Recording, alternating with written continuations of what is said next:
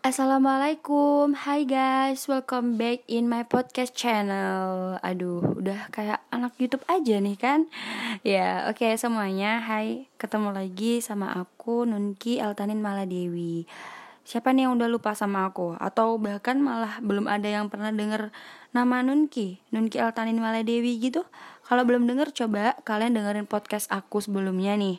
Di sana kalian bisa tahu aku tuh siapa, umur aku berapa, orang mana gitu kan. Coba kalian dengerin kalau kalian kepo gitu lumayan dapat informasi baru gitu kan.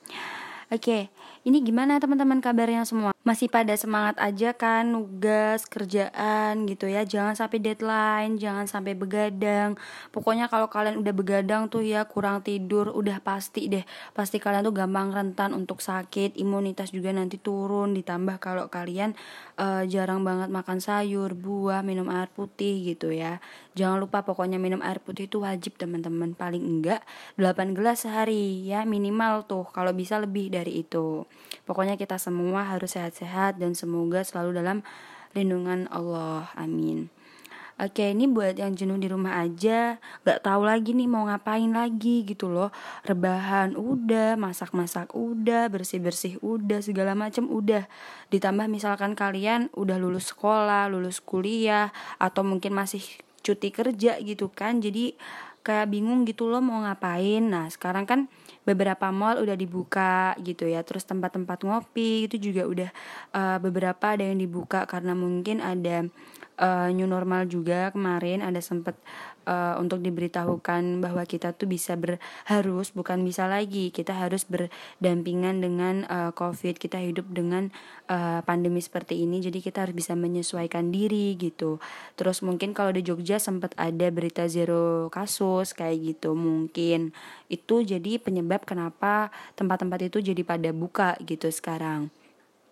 Tapi ke mana pun kita pergi harus ingat kalau kita harus tetap pakai masker, cuci tangan nih habis keluar dari mana pun kita harus cuci tangan dan kalau mau lebih praktis kan bisa juga bawa hand sanitizer. Sekarang juga harga hand sanitizer itu lumayan murah loh, udah nggak mahal-mahal banget kayak awal-awal kemarin masih boomingnya covid itu kan masker harga sampai berapa ratus ribu gitu. Hand sanitizer lima puluh ribu seratus ribu. Padahal yang tadinya masker satu cuma dua ribu lima ribu gitu. Hand sanitizer satu paling cuma empat belas ribu dua puluh ribu gitu. Jadi sekarang teman-teman udah bisa uh, beli dengan harga yang lebih worth it dan lebih murah juga. Jadi teman-teman nggak usah khawatir lagi gitu Oke, ini sebelumnya di podcast pertama aku udah bahas tentang hal-hal yang menyenangkan selama hashtag di rumah aja kan. Kayak kegiatan apa sih yang aku rekomendasiin ke kalian gitu? Apa aja sih yang aku share di sana di podcast itu sama kalian? Ini buat kalian yang kepo juga atau belum dengerin Kalian coba deh sempetin untuk dengerin podcast aku sebelumnya. Karena di sana aku bener-bener share kayak pengalaman aku Terus hal-hal yang aku rasain kayak ya enak dan gak enaknya gitu. Tapi aku lebih share ke hal-hal yang menurut aku itu lebih berguna buat kita semua dan aku rasa itu pasti dirasakan buat kita semua terutama cewek-cewek gitu ya. Nah dan uh, sekarang tema yang mau aku obrolin masih sama nih teman-teman. Masih tentang COVID-19 dan di sini nggak cuma sendiri aku karena di sini aku sama teman aku. Kebetulan teman aku ini uh, dia tuh kayak nyambung banget gitu loh sama tema aku kali ini di mana tema aku mengenai dilema ekonomi yang terjadi akibat COVID-19 jadi kreativitas teman aku ini bisa jadi inspirasi buat teman-teman Cuma sebelum kita ngobrol lebih jauh, kayaknya kita harus kenalan dulu sama teman aku ini. Gak mungkin dia asal ngomong kan, gak tahu ini temennya siapa, anak mana, jualan apa gitu kan. Jadi kita kenalan dulu sama dia. Silahkan Zahra untuk perkenalkan diri Zahra, uh, namanya siapa, nama panjang ya, terus alamat, kalau bisa alamat rumah, nomor HP gitu. Jangan dong, nanti ini aku di WA sama orang-orang lagi ya kan. Ya nggak enak dong nanti ya kan. Terngantri lagi yang mau jadi pacar aku mbak. Oke teman-teman. Halo semuanya. Nama aku hmm, Zahratul Aini. Kalian bisa manggil aku Zahra Aini. Kenapa nggak Zahro aja sih? Tul. Kan Zahrotul. Uh, saya lebih suka dipanggil Zahra daripada Zahro gitu. Agak aneh gitu ya sebenarnya. Nah itu uh, aku alamatnya di Yogyakarta lah ya intinya. Pokoknya di Yogyakarta terus aku satu fakultas juga sama Mbak Nunki. Kita ilmu kesehatan masyarakat di Universitas Ahmad Dahlan tentunya. Usia aku masih muda nggak tua-tua banget tapi ya nggak muda-muda banget pas lah ya 20 tahun ya kan? Sebenarnya nggak jauh beda sama Mbak Nun kita cuma beda bulan doang teman-teman.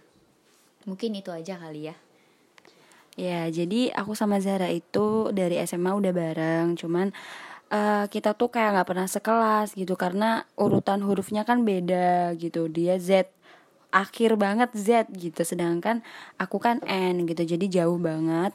Terus kita ketemu lagi di universitas yang sama, fakultas yang, yang sama, bahkan kita tuh sekelas dari awal semester 1. Bayangin kita semester 1 sampai sekarang udah semester 6 tuh bareng terus kayak gitu.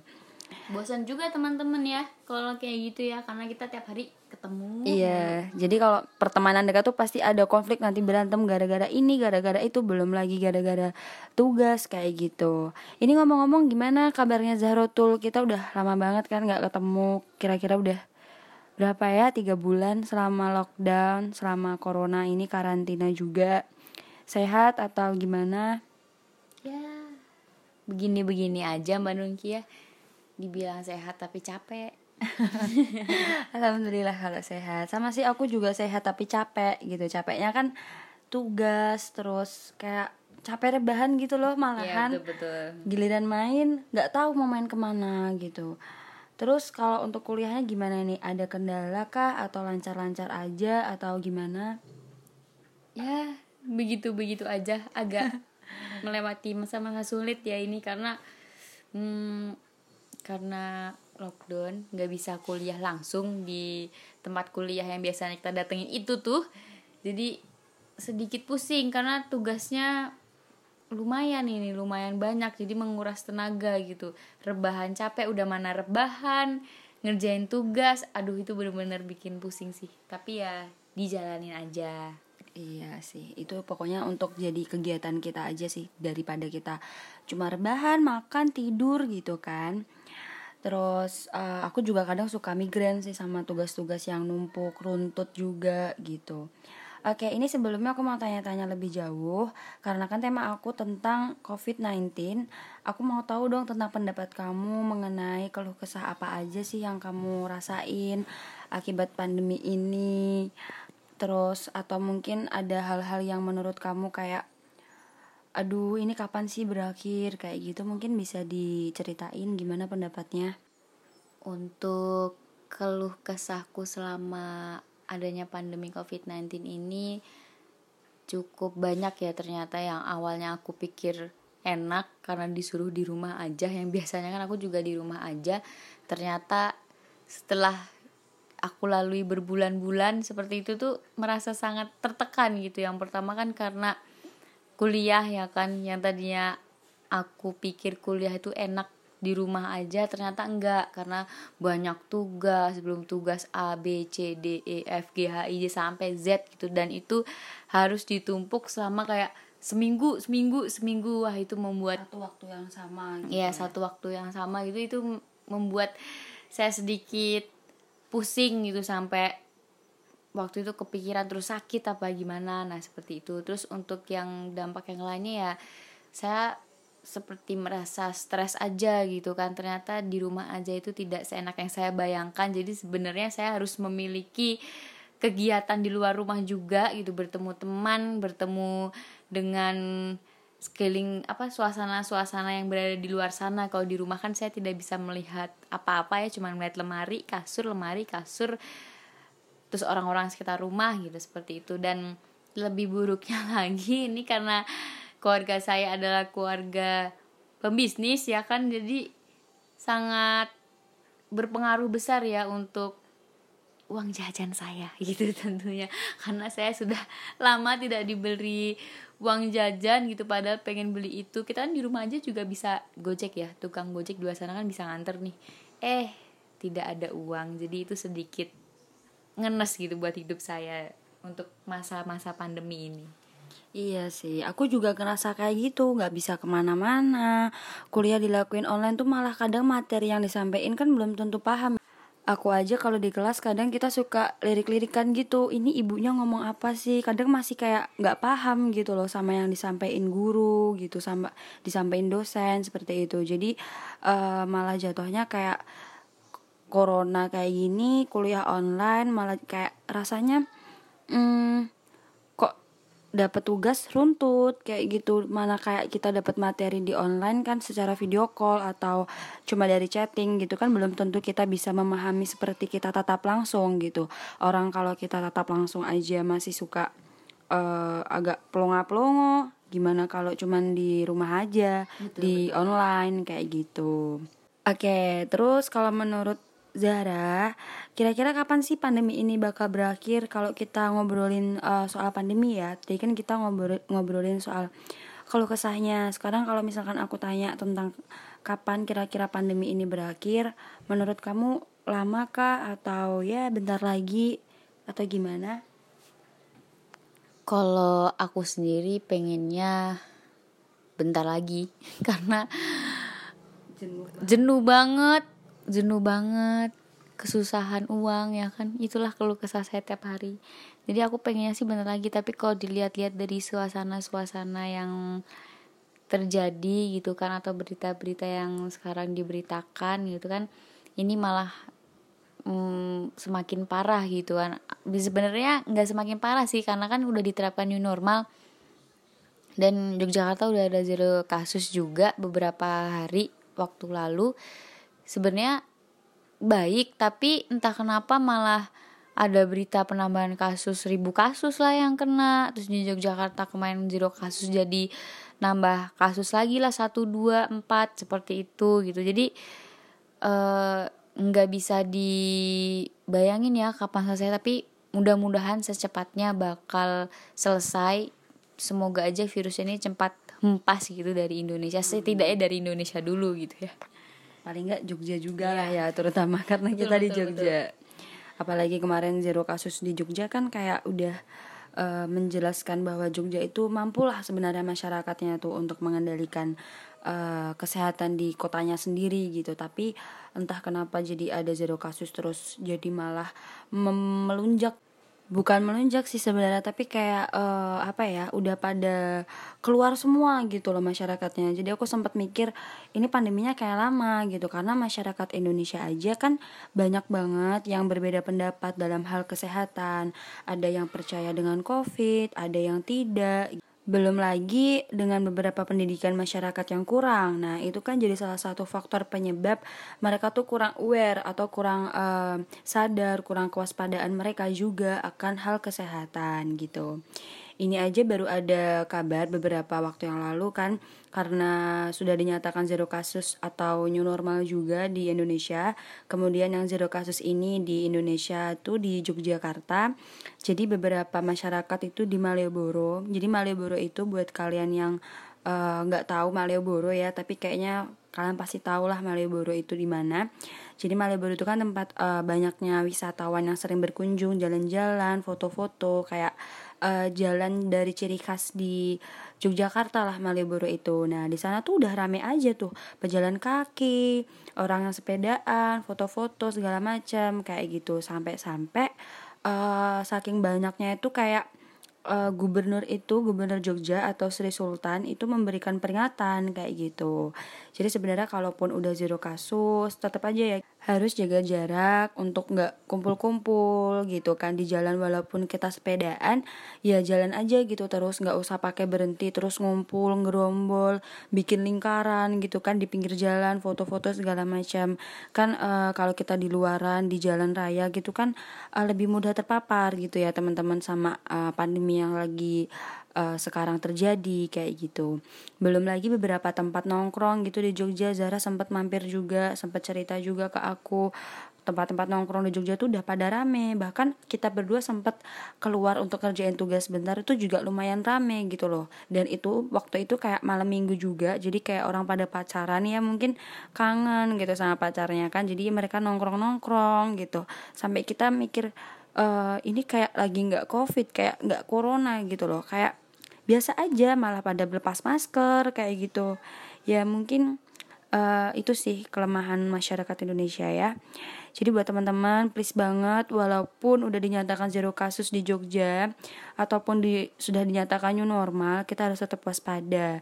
Toh nyatanya sekarang akibat ada pernyataan zero kasus ternyata masih ada kan yang uh, ternyata dinyatakan positif malah kayak menambah gitu yang dinyatakan positifnya. Jadi jangan sampai semakin membanyak semakin membesar lagi dampaknya terus semakin banyak juga yang uh, menyebabkan korban jiwa gitu. Pokoknya harus tetap waspada ngomong-ngomong tentang pandemi COVID-19 nih, kan dampaknya benar-benar terlihat jelas ya, yaitu jadi banyak tuh kayak orang yang uh, atau masyarakat kekurangan ekonomi gara-gara mungkin ada yang di PHK atau mungkin perusahaan harus tutup sementara. Jadi uh, atau beberapa tempat makanan atau jualan apa gitu kan cabangnya harus ditutup sementara.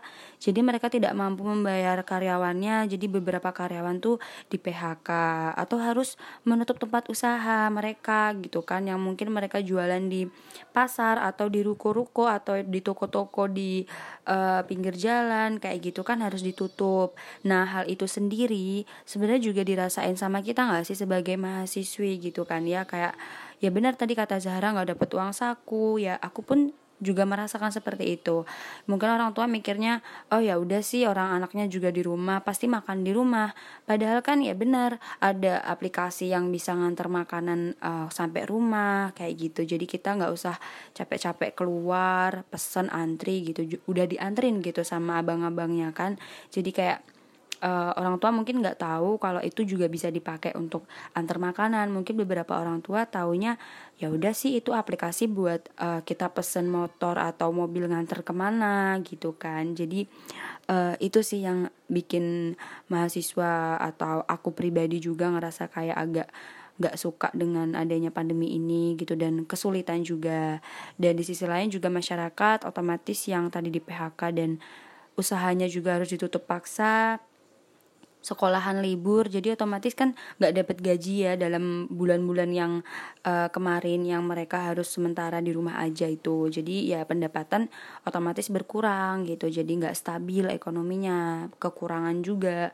Belum lagi bayar sekolah kan jalan terus per bulan jadi kayak ya mereka harus bayar uang sekolah juga pasti bingung dan kesulitan Terus berhubung soal pekerjaan di PHK, masyarakat yang harus menutup tempat usaha nih, kan kebetulan keluarga Zara itu punya usaha pebisnis nih teman-teman. Tadi dia udah bilang juga. Nah itu gimana? Mungkin uh, Zahra bisa sedikit cerita kayak gimana nih usaha keluarga Zara sekarang akibat COVID. Apakah dampaknya itu terasa sekali? atau mungkin untuk Zahra sangat terasa ya karena nggak dikasih uang saku tapi untuk orang tuanya Zahra yang menjalani ini apakah mereka merasa uh, sangat apa ya sangat terasa gitu loh dampaknya. Terus kira-kira kalau misalkan dibuka kembali apakah akan kembali seperti biasakah pendapatannya? Atau uh, menurun atau stabil atau gimana? Mungkin Zara sedikit bisa diceritakan. Nah jadi kebetulan tuh emang keluarga aku tuh kan keluarga pembisnis ya dari dulu. Emang sih kalau pembisnis tuh ada pasti ada liku-likunya ada yang di atas ada yang di bawah gitu kan. Tapi kan uh, sebenarnya kalau liku pembisnis itu kan cuman kayak tergantung dari uh, masa kayak sepi atau enggaknya gitu kan timit tapi kan kalau yang sekarang itu gara-gara ada masalah pandemi covid-19 itu bener-bener yang berhenti gitu nggak bisa jualan. Jadi kan aku sama maksudnya keluarga aku gitu orang tua aku kakak-kakak aku itu kan punya beberapa toko di Bringharjo gitu. Nah waktu pas si virus corona ini datang pertama kali di Indonesia itu kan diterapkan lockdown ya kan sehingga si pasar Bringharjo ini tidak bisa buka gitu tidak bisa buka tidak bisa buat berjualan. Jadi pastinya ekonomi dari keluarga saya ini orang tua saya khususnya itu menurun gitu yang tadinya saya bisa dapet uang jajan gitu kan jadi nggak bisa gitu. Justru malah saya harus dipaksa untuk lebih mandiri. Sebenarnya kaget juga sih karena kan sejujurnya saya kan emang nggak biasa bekerja gitu karena orang tua memfokuskan saya untuk kuliah gitu kan. Tapi karena saya sudah diam di rumah saja dan orang tua saya pun tidak ada pemasukan yang masuk jadi uang itu tuh untungnya ada tabungan-tabungan di apa penjualan mereka di sebelum corona datang ini sebelum sebelumnya gitu. Jadi sebelum corona datang kan pasti udah ada tabungan lah ya masing-masing orang tua saya atau kakak-kakak saya yang juga pembisnis juga seperti itu. Tapi kan untuk saya sendiri saya tidak ada tabungan yang lebih sebanyak itu gitu kan. Soalnya saya saat mau jajan ya minta ini ya minta gitu kan. Jadi saya sangat sedikit sedih gitu kan sedih juga karena orang tua saya juga sekarang berkurang gitu pendapatannya seperti itu. Tapi alhamdulillah banget ya kalau uh, keluarga seperti itu tuh udah berarti sudah mempersiapkan jauh-jauh hari. Sama dengan orang tua saya juga mereka alhamdulillah juga sudah mempersiapkan jauh-jauh hari ketika terjadi musibah seperti ini kan nggak ada yang tahu. Kalau misalkan kita uh, tidak mampu mengelola pendapatan tidak mampu mengelola tabungan pasti habis-habis aja kan ketika terjadi pandemi seperti ini atau bahkan nanti ketika uh, ya nggak minta tapi ketika terjadi musibah yang lebih besar gitu kan. Kalau kita tidak bisa mengelola tabungan mengelola pendapatan ya pasti kita akan sulit sendiri gitu cuman kan di sini uh, alhamdulillah juga ada bantuan yang diberikan sama pemerintah nih buat masyarakat yang terkena dampak COVID-19 kayak program keluarga harapan contohnya atau PKH kemudian ada kartu sembako nah untuk sembako ini aku sempat baca di beberapa sosial media. Jadi ada kasus gara-gara sembako ini tuh uh, ada satu keluarga kalau nggak salah dia tuh uh, sempat mau di tes rapid gitu atau rapid test gitu sama tenaga kesehatan. Kemudian dia menentang dia ngamuk dan nggak ngebolehin dirinya sendiri. Jadi dia kepala keluarga kemudian istri anak-anaknya tuh nggak boleh di rapid test kayak gitu. Padahal kan tujuannya tenaga kesehatan tenaga medis kan baik ya untuk uh, mau tahu gitu loh ngetes bapaknya apakah bapaknya ini positif atau tidak. Toh itu juga buat kebaikan dia tetapi mungkin karena ya tadi kembali lagi ke kepada uh, pemikiran atau mungkin pendidikan masyarakat yang kurang atau persepsinya mereka yang salah. Jadi mereka menolak karena nggak dapat sembako. Dia mengatakan e, saya nggak mau dites karena saya nggak dapat sembako. Buat apa saya tes? Jadi dia sampai nggak ngebolehin istri dan anaknya tes juga gitu.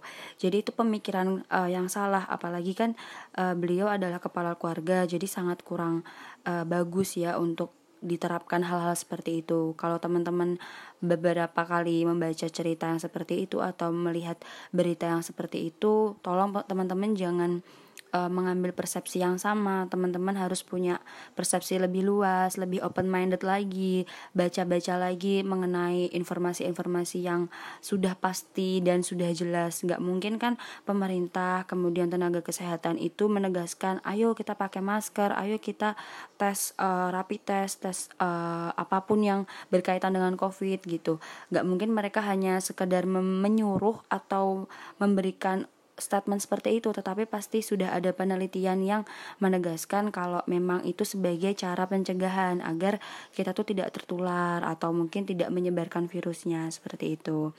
Kemudian bantuan yang uh, diberikan selain PH, PKH dan kartu sembako itu ada bantuan tunai dari Kemenkes, kemudian bansos dari provinsi ataupun kota dan masih banyak lagi. Jadi buat kita yang masih bisa makan, masih bisa minta lah walaupun nggak banyak gitu kan masih dikasih masih bisa memberi yang pasti kita bisa ngasih orang di jalan masih bisa sedekah ketika kemarin pas lagi downnya banyaknya masyarakat yang down karena perekonomian kita berbagi rezeki gitu kita masih mampu ya kita harus bersyukur gitu ya. Baik aku Zahra dan teman-teman yang mendengarkan podcast ini kita harus bersyukur banget teman-teman. Ini teman-teman juga pasti dengerin podcast pakai kuota gitu kan atau pakai wifi. Berarti kan teman-teman masih bisa mampu membeli kuota atau membeli uh, bayaran wifi membayar wifi gitu maksud aku. Jadi kan uh, berarti kita masih merasa cukup masih berkecukupan. Nah itu kita harus bersyukur. Banyak banget masyarakat yang kehilangan pekerjaan kan kasihan. Lebih lagi kasihan pada orang yang mau sedekah tapi bohong gitu kayak tahu nggak sih teman-teman ada kasus yang uh, beberapa bukan beberapa sih salah satu uh, influencer atau youtuber aku nggak bisa bilang influencer ya karena aku juga baru tahu dia dari kasus ini. Sebelumnya aku nggak tahu isi konten YouTube-nya itu seperti apa dan aku nggak menyebutkan nama juga. Tapi ada beberapa uh, berita yang menyampaikan bahwa salah satu uh, warga atau masyarakat yang membuat YouTube tapi kontennya itu memberikan sembako sedekah tapi berupa sampah kayak gitu. Jadi kayak barang-barang bahan-bahan bekas gitu. Dan itu diberikan kepada orang yang bekerja malam. Ada juga yang maaf dia uh, banci atau bencong gitu ya. Jadi uh, mereka marah gitu ketika tahu isinya tuh cuman uh, bahan barang-barang atau bekas-bekas kayak gitu. Karena mungkin niatnya si pelaku ini hanya untuk bercandaan atau biar menyadarkan bahwa orang orang-orang yang berkeliaran di malam ini tuh jangan berkeliaran. Udah tahu covid kenapa malah berkeliaran? Tapi mungkin cara dia salah dengan kayak ibaratnya tuh kata-kata gaulnya tuh bahasanya kayak ngeprank gitu kan. Jadi kan kalau ngepranknya seperti itu kan nggak bagus juga gitu loh. Apalagi uh, dia juga nggak tahu niatnya orang-orang ini yang pergi di tengah malam itu apa kan dia nggak tahu.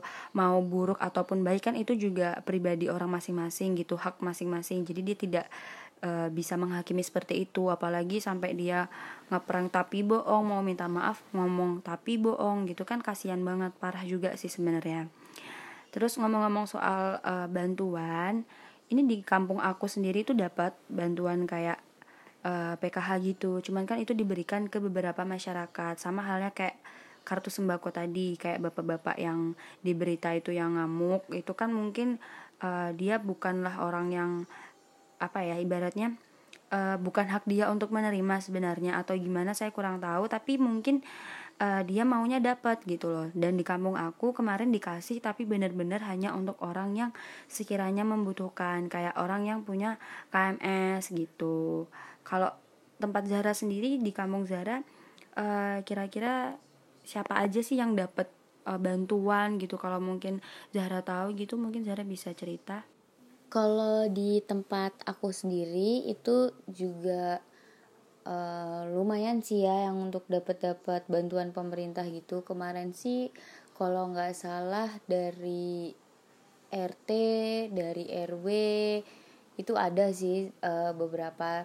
Jadi sebenarnya nggak tentu sih kalau di sini tuh emang kayak dibagi rata gitu. Soalnya kan lingkungan aku tuh kan lingkungan pembisnis ya mbak ya rata-rata. Jadi ini depan rumah aku gitu kan jadi aku gitu depan rumah aku e, samping rumah aku depannya lagi itu semua tuh pembisnis jadi kita semua tuh baru di masa-masa tidak boleh berjualan jadinya ya nggak dapat penghasilan sama sekali. Maka dari itu RT RW di rumah aku itu atau di kampung aku itu emang ngasihnya rata sih. Soalnya emang kayaknya sih menurut aku tuh RW RT aku tuh emang rata-rata pembisnis. Jadi semuanya mengalami kesusahan gitu jadi, jadi dibagi rata, rata. seperti okay. itu. Jadi nggak ada yang buat maaf kayak orang nggak mampu doang atau orang yang miskin KMS. doang ha, yang KMS gitu doang enggak jadi semuanya dibagi rata karena kita sama-sama nggak punya penghasilan gitu kan belum nggak punya penghasilan selama pandemi. Tapi mungkin untuk pemberiannya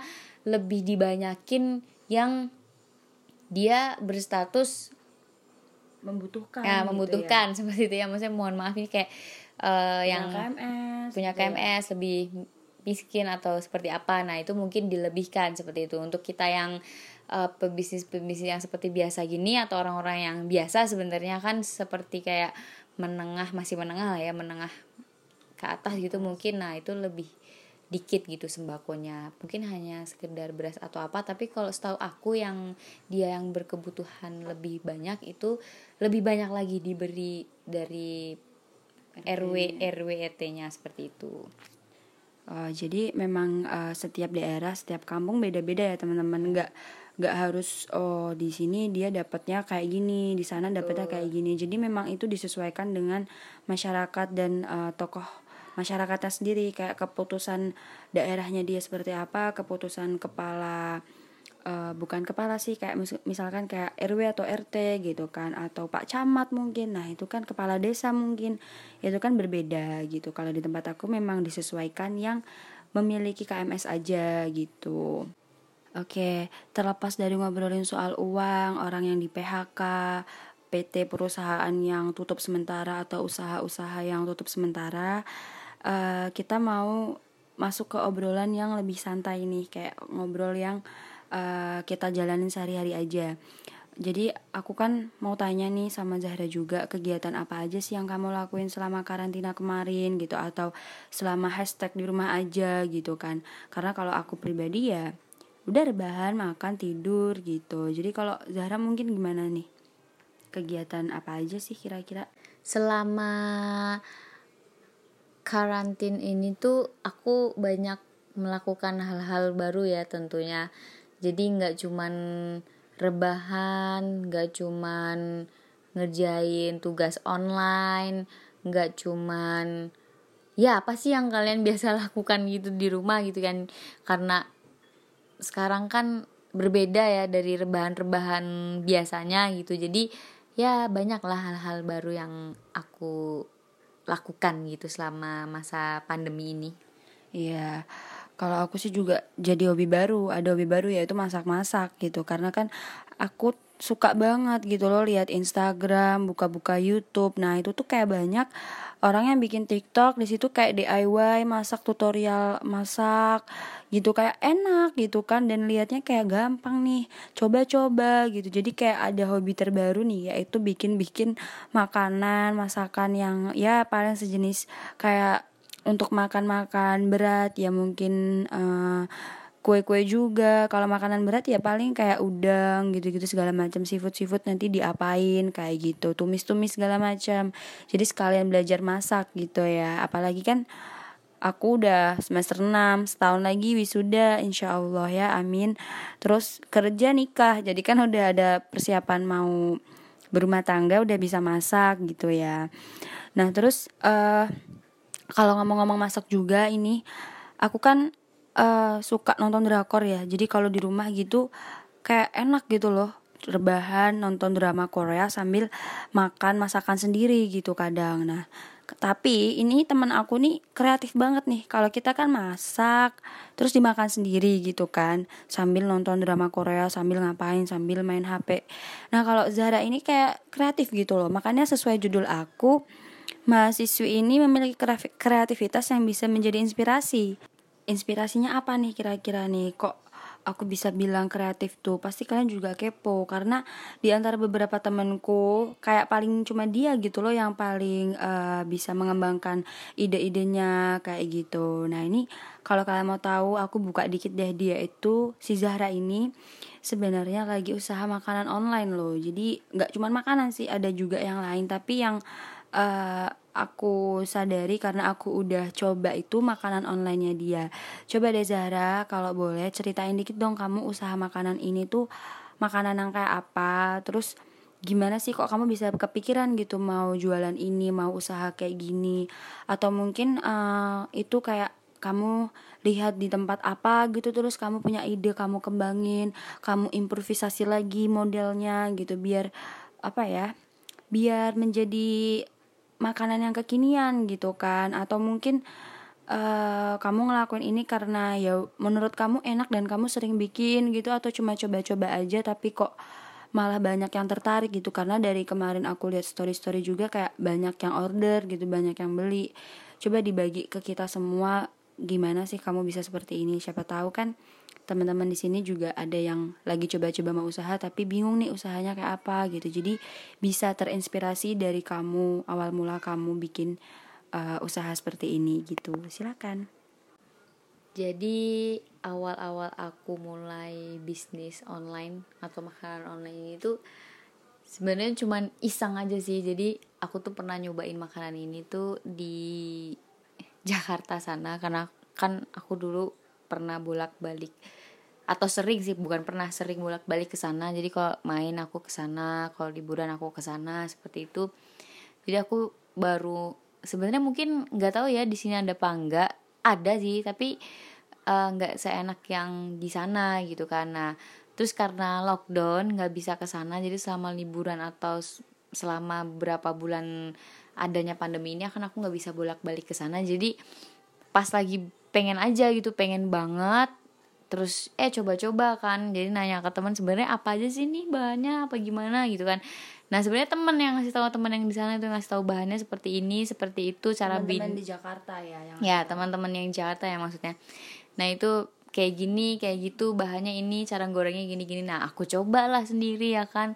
Eh waktu pas makan wah nggak jauh beda nih. Soalnya kan aku suka banget nih sama makanan ini dan aku emang pernah nemu sih satu di Jogja tapi nggak seenak yang di sana. Makanya waktu pas aku coba wah enak juga nih. Sebenarnya bukan muji makanan sendiri ya tapi emang lebih enak aja gitu. Jadi pas aku coba hmm enak banget nih kayaknya bisa nih buat ini gitu kan. Terus aku suruh nyobain ke mama aku semuanya suruh aku cobain. Jadi kakak aku karena kakak aku ada di rumah juga semuanya suruh aku cobain kata mereka enak terus aku ke tetangga aku gitu kan terus aku bilang ah, cocok gak ya aku kalau jualan kayak gini? Soalnya kan di Jogja kan baru dikit gitu yang jualan gitu siapa tahu mereka tertarik gitu kan karena uh, biasanya kan beli ini harus ke sana dulu ke Jakarta dulu apa gimana gitu kan. Terus kata temen aku yang tetangga aku itu kayak oh iya bagus nih kayak gitu. Akhirnya langsung dia bantuin aku bikin stiker seperti itu bikin stiker terus bikin apa namanya kayak price list gitu kan harganya terus menunya seperti itu. Aku coba aku bikin PO tadinya sih emang cuman jujur empat orang doang yang pesen gitu. Empat orang doang yang pesen. Terus kata mereka enak terus mereka ngulangin lagi besoknya. Terus aku bikin Instagram aku share gitu di Instagram. Maksudnya di aku bikin Instagramnya Instagram khusus makanannya ini ya. Terus aku share di situ juga dengan hashtag kayak jualan-jualan gitu juga pasti kan nyebar luas gitu kan.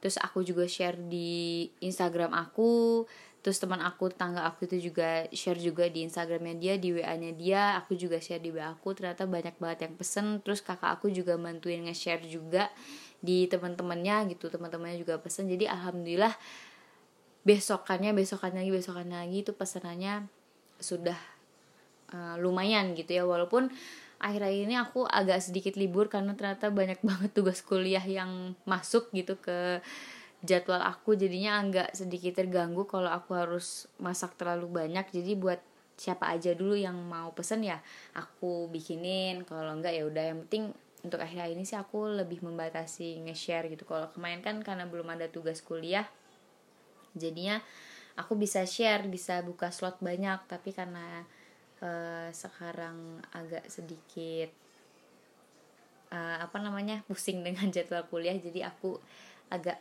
ini gitu. Nah untuk uh, kenapa sih aku bikin ya kan? Kenapa sih aku bikin uh, kayak gitu tuh? Soalnya karena perekonomian keluarga itu kan baru menurun ya jadi aku gak bisa uh, minta uang jajan ke papa mama tapi papa mama juga setuju kalau aku berbisnis ya why not gitu kita coba aja. Ternyata ya mungkin doa mereka juga kali ya aku bisa uh, sukses juga dalam berdagang online ini. Jadinya lancar-lancar aja gitu. Jadi sebenarnya ini untuk keisengan aja sih tadinya itu cuma untuk keisengan. Cuman mau dapat uang receh buat jajan doang eh tahu taunya malah berkelanjutan. Jadi alhamdulillah sih.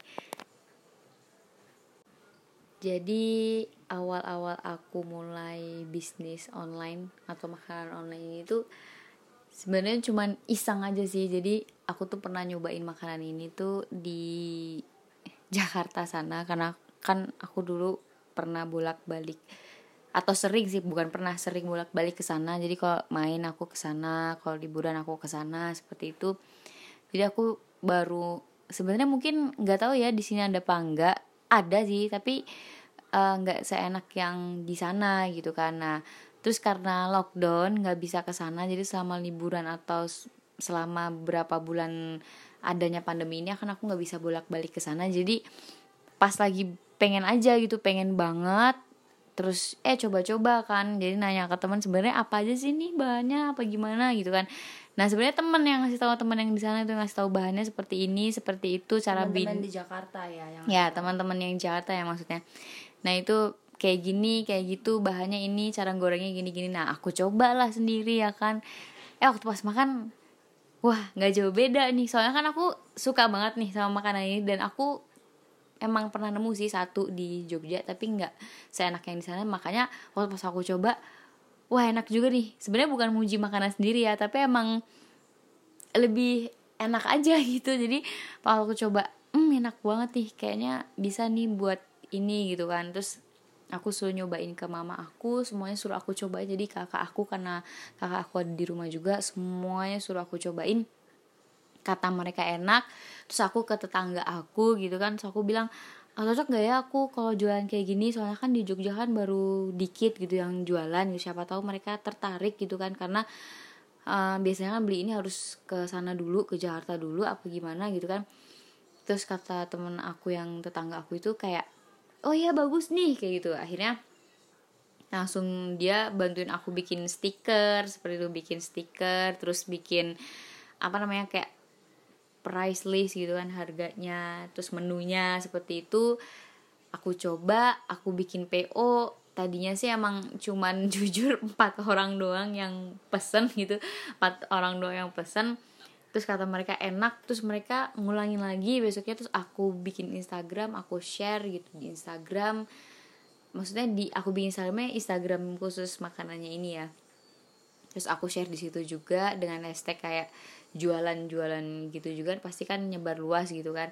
Terus aku juga share di Instagram aku terus teman aku tetangga aku itu juga share juga di Instagramnya dia di WA nya dia aku juga share di WA aku. Ternyata banyak banget yang pesen. Terus kakak aku juga bantuin nge-share juga di teman-temannya gitu. Teman-temannya juga pesen. Jadi alhamdulillah besokannya besokannya lagi besokannya lagi itu pesanannya sudah uh, lumayan gitu ya. Walaupun akhir-akhir ini aku agak sedikit libur karena ternyata banyak banget tugas kuliah yang masuk gitu ke jadwal aku jadinya agak sedikit terganggu kalau aku harus masak terlalu banyak. Jadi buat siapa aja dulu yang mau pesen ya aku bikinin. Kalau enggak ya udah yang penting untuk akhir ini sih aku lebih membatasi nge-share gitu. Kalau kemarin kan karena belum ada tugas kuliah jadinya aku bisa share bisa buka slot banyak. Tapi karena uh, sekarang agak sedikit uh, apa namanya pusing dengan jadwal kuliah jadi aku agak ini gitu. Nah untuk uh, kenapa sih aku bikin ya kan? Kenapa sih aku bikin uh, kayak gitu tuh? Soalnya karena perekonomian keluarga itu kan baru menurun ya. Jadi aku gak bisa uh, minta uang jajan ke papa mama. Tapi papa mama juga setuju kalau aku berbisnis. Ya why not gitu? Kita coba aja. Ternyata ya mungkin doa mereka juga kali ya aku bisa uh, sukses juga dalam berdagang online ini. Jadinya lancar-lancar aja gitu. Jadi sebenarnya ini untuk keisengan aja sih. Tadinya itu cuma untuk keisengan cuman mau dapat uang receh buat jajan doang. Eh tahu taunya malah berkelanjutan. Jadi alhamdulillah sih. Dan sebenarnya ini juga dijual di Jakarta seperti yang udah Zahra bilang. Dan aku juga sempat uh, lihat juga di sosial media. Cuman aku uh, belum pernah coba dan dia sering ke Jakarta. Jadi dia uh, sering coba juga atau mungkin baru beberapa kali aku nggak tahu. Kemudian uh, dia inisiatif untuk bikin di Jogja gitu biar orang-orang Jogja ini juga bisa ngerasain apa yang dijual itu. Karena menurut aku yang dijual itu kayak hype banget gitu loh bisa kayak booming. Ada satu waktu kayak penjualannya itu tuh booming banget pisangnya itu uh, terus Zahra kayak pengen bikin duplikatnya gitu loh kayak bikin versi KW-nya kalau mau dibahasain ala-ala sepatu ala-ala tas branded atau barang-barang branded kan ada KW-nya nah dia bisa di, bisa dibilang dia mencoba bikin yang uh, versi apa ya duplikatnya atau KW-nya itu tadi gitu tapi dengan harga yang lebih murah lebih terjangkau gitu. Dan uh, yang nyobain kan juga teman-teman dia di Jakarta kan bisa tinggal nyoba aja ke sana. Nah yang di Jogja kan nggak mungkin dong kalau pengen nyoba harus ke Jakarta dulu gitu. Jadi dia coba-coba bikin kayak gitu. Sebenarnya tuh simple tapi uh, menurut aku kreatif karena menurut aku juga tipe-tipe makanan yang manis, yang uh, gurih-gurih atau serba micin itu kayak jujur aku pun suka gitu loh. Apalagi teman-teman yang uh, dengar podcast ini atau teman-teman di luar sana aku yakin juga pasti kalian yang remaja-remaja tipikal orang-orang yang suka makanan tinggi lemak makanan yang manis terus gurih segala macam. Dan pasti yang berbau micin pasti suka ya karena itulah yang membuat enak makanan pokoknya gitu. Kemarin aku juga udah sempat ke tempat Zahra mau order lagi tapi dia bilang aduh coklatnya habis aku bikin dulu ya gini beli dulu bla bla bla segala macam. Kan lama banget gitu ya. Terus by the way ngomong-ngomong teman-teman udah by the way ngomong-ngomong lagi ya. Oke ngomong-ngomong kira-kira uh, tahu nggak sih kalian dia itu selain uh, jualan makanan atau bisnis makanan kayak pisang tadi jadi Zara itu juga buka apa ya namanya. Kamu bikin bukan bikin ya kamu reseller atau gimana ini jatuhnya? Uh, bisa buat individu bisa buat reseller. Jadi aku emang kayak buka. Lebih ke reseller sih karena kan kalau individu susah ya nawarinnya. Jadi kalau reseller kan gampang. Jadi barangnya keluar banyak barang keluar banyak kayak gitu Oh ya, jadi dia kayak reseller baju gitu. Dia jual baju, jadi orang jahit. Kemudian motifnya banyak, sama dia diambil beberapa lusin, beberapa uh, pieces baju. Kemudian sama Zara dijual lagi. Jadi dia nggak cuma jual makanan aja nih teman-teman, tapi juga jual baju ini kreatif banget. Jadi dia cuma modal uang aja, udah yang jahitin orang lain. Dia cuma tinggal nunggu duduk di rumah, barang nyampe udah tinggal dipromosiin aja ke sosial media ke teman-temannya dia gitu. Dan ketika teman-temannya beli ya udah tinggal transfer tinggal dipaketin segala macam. Pokoknya atau digosen juga bisa. Pokoknya sesimpel itu. Jadi nggak perlu susah payah masak. Kalau misalkan kalian nggak jago masak nggak jago membuka ide-ide yang cemerlang kreatif gitu kalian bisa dialihkan dengan seperti ini apalagi kan kita di negara muslim gitu ya penduduknya rata-rata muslim. Bisa juga kalian kayak reseller kerudung jilbab-jilbab ciput atau baju-baju uh, yang tertutup atau mungkin mukena kayak gitu. Kayak banyak banget sih sebenarnya yang bisa dilakukan atau kalau kita mau usaha sebenarnya banyak banget hal-hal yang bisa kita lakuin. Cuman memang kadang menumbuhkan niat seperti itu sedikit susah ya. Apalagi aku sendiri juga tipikal orang yang susah sih untuk membuka ide kreatif kayak gitu tuh sangat susah. Jadi kayak keluarga aku pun juga bukan keluarga bisnis gitu loh. Kayak maksudnya bisnisnya yang dia berbentuk produk gitu kayak uh, bukan keluarga aku banget gitu. Aku pun juga cuman kalau untuk zaman dulu ya orang tua aku pernah lah nyoba-nyoba tapi ternyata memang bukan jalannya di bisnis produk jadi ya nggak bisa juga gitu. Terus ngomong-ngomong ini kan lagi di masa pandemi COVID, jadi membutuhkan uh, banyaknya asupan yang bagus untuk meningkatkan imunitas tubuh imun tubuh gitu kan. Kenapa uh, kok nggak jualan makanan yang sehat aja tuh Zara kenapa kok kayak pisang atau dilomerin coklat terus pakai fla gitu? Kenapa nggak kayak contohnya salad buah atau sayur kayak gitu kan? Itu uh, bagus buat kesehatan gitu ya. Atau mungkin uh, ya mungkin karena Zara iseng-iseng doang atau gimana gitu?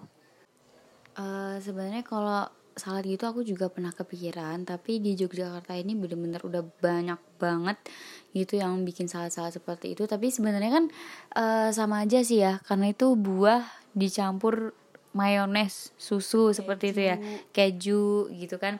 Jadi tinggi lemak juga ya Iya sama aja tinggi lemak juga. Dan ini pun juga sebenarnya sama si pisang itu kan buah terus dicampur coklat iya dicampur iya fla ada susunya gitu juga. Sebenarnya aku kemarin nggak kepikiran untuk yang makanan yang sehat-sehat gitu sih. Cuman kayak uh, oh sukanya masyarakat tuh apa sih sekarang? Kayak gitu pengennya masyarakat tuh apa sih? Jadi kan mereka menyesuaikan, karena uh, menyesuaikan konsumen gitu ya. Menyesuaikan minat konsumen aja sih. Yang penting mah ada penunjang perekonomian gitu. Maksudnya ada untuk ya sedikit sedikit lah walaupun receh gitu kan. Seenggaknya kita bisa apa membantu perekonomian keluarga juga. Cuma itu doang sih. Jadi nggak kepikiran untuk kayak yang harus sehat atau enggak karena susah ya kan kalau gitu orang juga belum tentu. belum tentu mau gitu.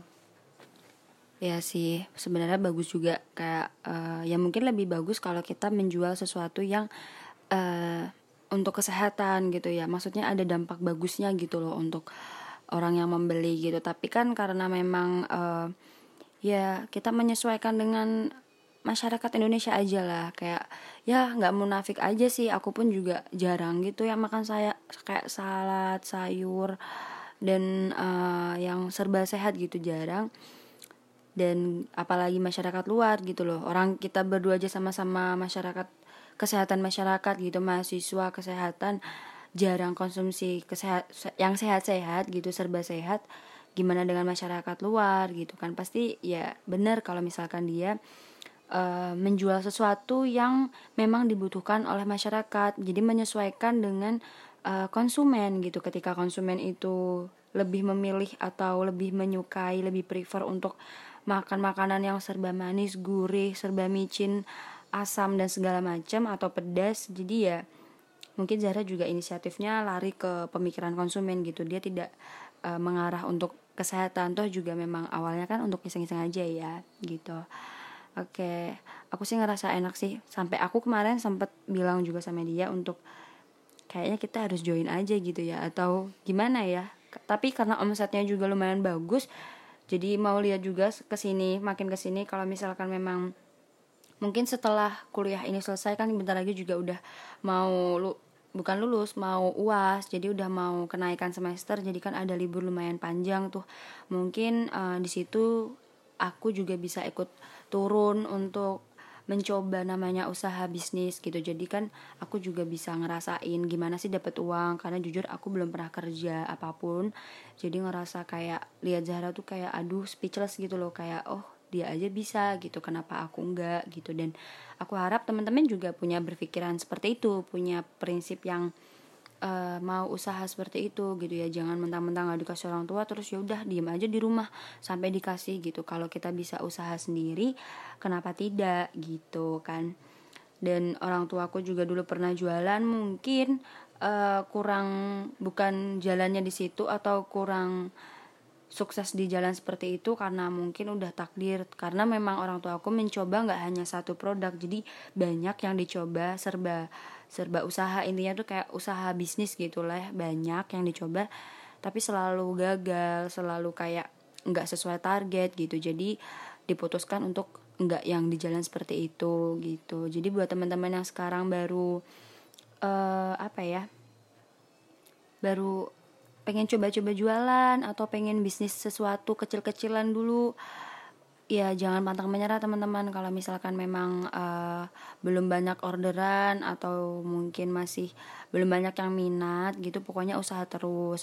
Untuk teman-teman yang mendengarkan podcast ini semoga juga bisa termotivasi gitu dari usaha yang dijelasin sama Zahra yang dibikin Zahra gitu kan simple cuman itu tinggal kita bisa mengembangkan ide atau tidak gitu kan. Jadi itu jatuh di diri sendiri kita masing-masing. Apakah kita itu mampu untuk mengembangkan ide-ide kita kreativitas kita pemikiran kita atau kita cuma tinggal pasrah aja kan uh, itu tergantung dari kitanya. Jadi aku harap dengan ini dijelaskan oleh Zahra ini semoga kita bisa termotivasi banget gitu. Apalagi uh, aku sendiri gitu yang melihat dia secara langsung yang lihat usahanya dia juga gitu. Jadi aku semakin termotivasi juga dengan usahanya menguntungkan gini gitu. Lumayan gitu kan buat nambah-nambah tabungan kita. Misalkan kita nggak pernah nabung dengan kerja gini ditambah di rumah aja dapat duit ya mungkin setengah dari keuntungan buat jajan-jajan sesekali. Kan nggak mungkin tiap hari order makanan kan pasti sesekali gitu. Nah sisanya bisa ditabung. Jadi besok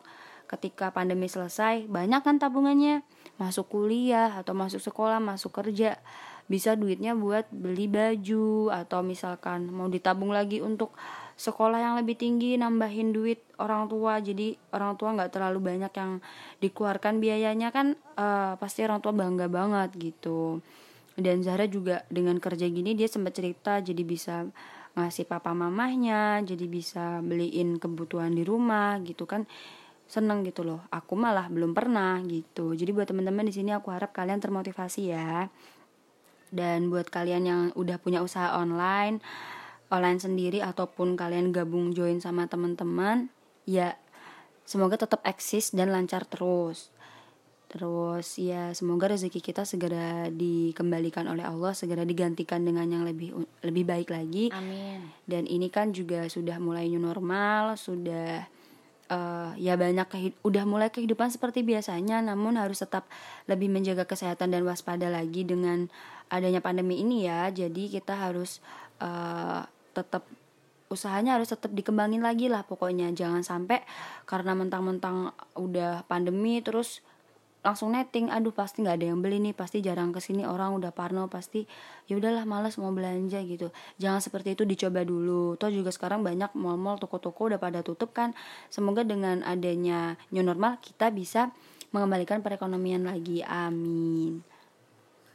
Dan buat teman-teman yang udah punya usaha online nih itu kan dipertahankan gitu. Jangan sampai netting kayak ya udahlah gara-gara habis pandemi aku yakin pasti nggak ada yang beli pasti pelanggannya juga dikit gitu kan. Orang masih pada parno sebagian gitu.